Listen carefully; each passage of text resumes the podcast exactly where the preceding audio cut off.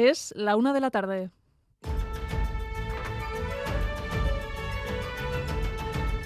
Crónica de Euskadi con Irache Ruiz. La ciudadanía mayoritariamente votó progreso, votó por un modelo de gobierno plural y las tres formaciones que teníamos esa responsabilidad hoy hemos materializado ese compromiso y debe ser una negociación exigente para que el acuerdo sea el mejor. María Chivite será la primera mujer presidenta de Navarra en repetir un segundo mandato.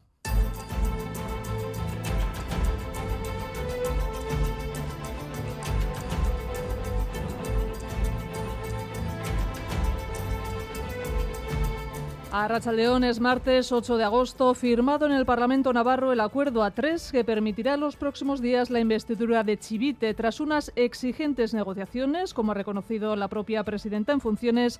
Socialistas Valle y Contigo Surekin han acordado un ejecutivo que satisface a todas las partes. Fermín Alberdi. El mensaje es directo. Navarra es progresista. Las tres mujeres artífices del acuerdo de gobierno, María Chivite, Ushue Barcos y Begoña Alfaro, acaban de trasladar un detallado programa de pacto con las políticas progresistas, feministas y de respeto a la diversidad y al euskera con los 21 apoyos recabados entre sus tres formaciones. Ahora arranca la ronda de consultas del presidente del Parlamento para fijar fecha al, fecha al pleno de investidura.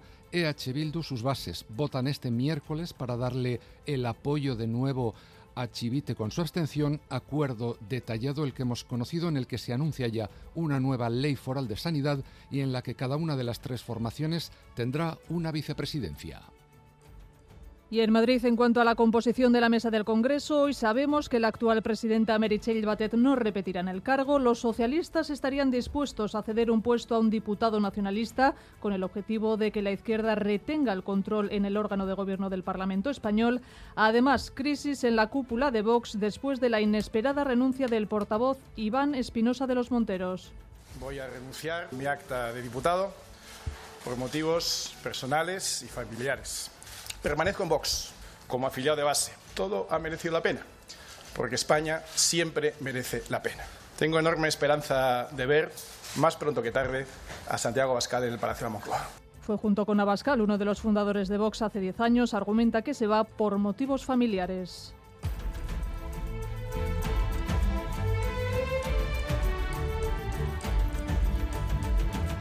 Y el Ayuntamiento de Donostia anuncia una subida de impuestos. El año que viene se encarecerán el IBI, el impuesto de circulación, las basuras y la OTA y Doyagatón. Sí, propone subidas en dos impuestos y cuatro tasas para adaptarse a la nueva situación pospandemia. Plantea una subida del 4% en el impuesto del IBI, en el de circulación, un incremento de un 5% en las tasas de residuos, saneamiento y OTA y de un 7,5% en el servicio de grúa. Además, el año que viene la viñeta de los veraneantes costará el doble, 125 euros por temporada.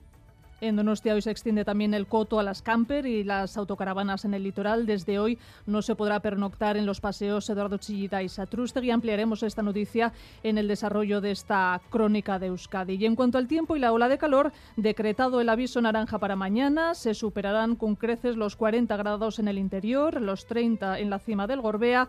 Hoy nos hemos interesado por aquellos trabajadores que a diario deben lidiar con temperaturas extremas. Xavier Madariaga, como todo, es cosa de acostumbrarse. Eh, Sí, tanto que se acostumbran como que hay quienes comparan pico y pala pleno sol con estar en la playa. Te acostumbras igual. En la playa estás con helado, agua o refresco, pues aquí igual.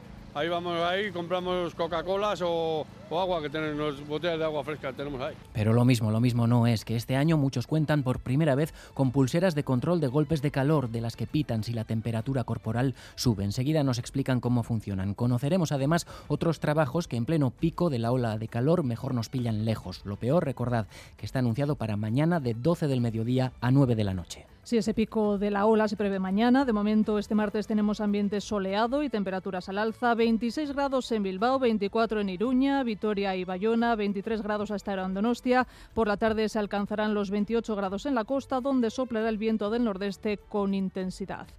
En el marco de la quincena musical de Donostia, hoy estreno de la ópera infantil Nora, 30 miembros del coro Landarbaso y 20 de Contari, su agrupación juvenil, presentarán esta tarde en el Teatro Victoria Eugenia esta ópera creada por la compositora letona Laura Lejapsone y que ha adaptado Mayalen Dorronsoro. En euskera, para toda la familia, la obra cuenta la historia de un chico que viaja en tren para visitar a su abuela.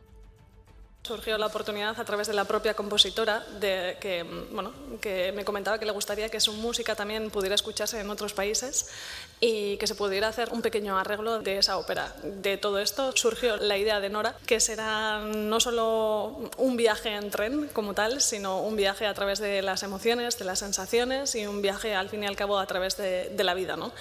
Y en portada también los titulares del deporte, César Pérez Gazola, Zarracha León. Irache. Destaca hoy la pelota. Eso es, eh, con la disputa de la final de la Feria La Blanca de Pelota en Vitoria-Gasteiz, en el Hogueta, la segunda feria del verano, Joaquín Altuna y Yule Martija contra salen como favoritos ante Peña y Alviso en ciclismo. Renovación en Usaltel Euskadi de Miquel Vizcarra. El escalador de Mañaria, lesionado tras la caída que se ofrece dos meses, amplía su contrato con el conjunto naranja hasta el año 2025. En baloncesto, hoy es día de sorteo europeo para Bilbao Basket. Los hombres de negro van a estar en el bombo de la fase de grupos de la FIBA Europe Cup, competición europea que este año va a jugar el equipo de Ponsarrao y en fútbol, en el Deportivo Alavés, Alex Balboa deja el glorioso, se marcha cedido el Gastistarra este año al conjunto del Huesca.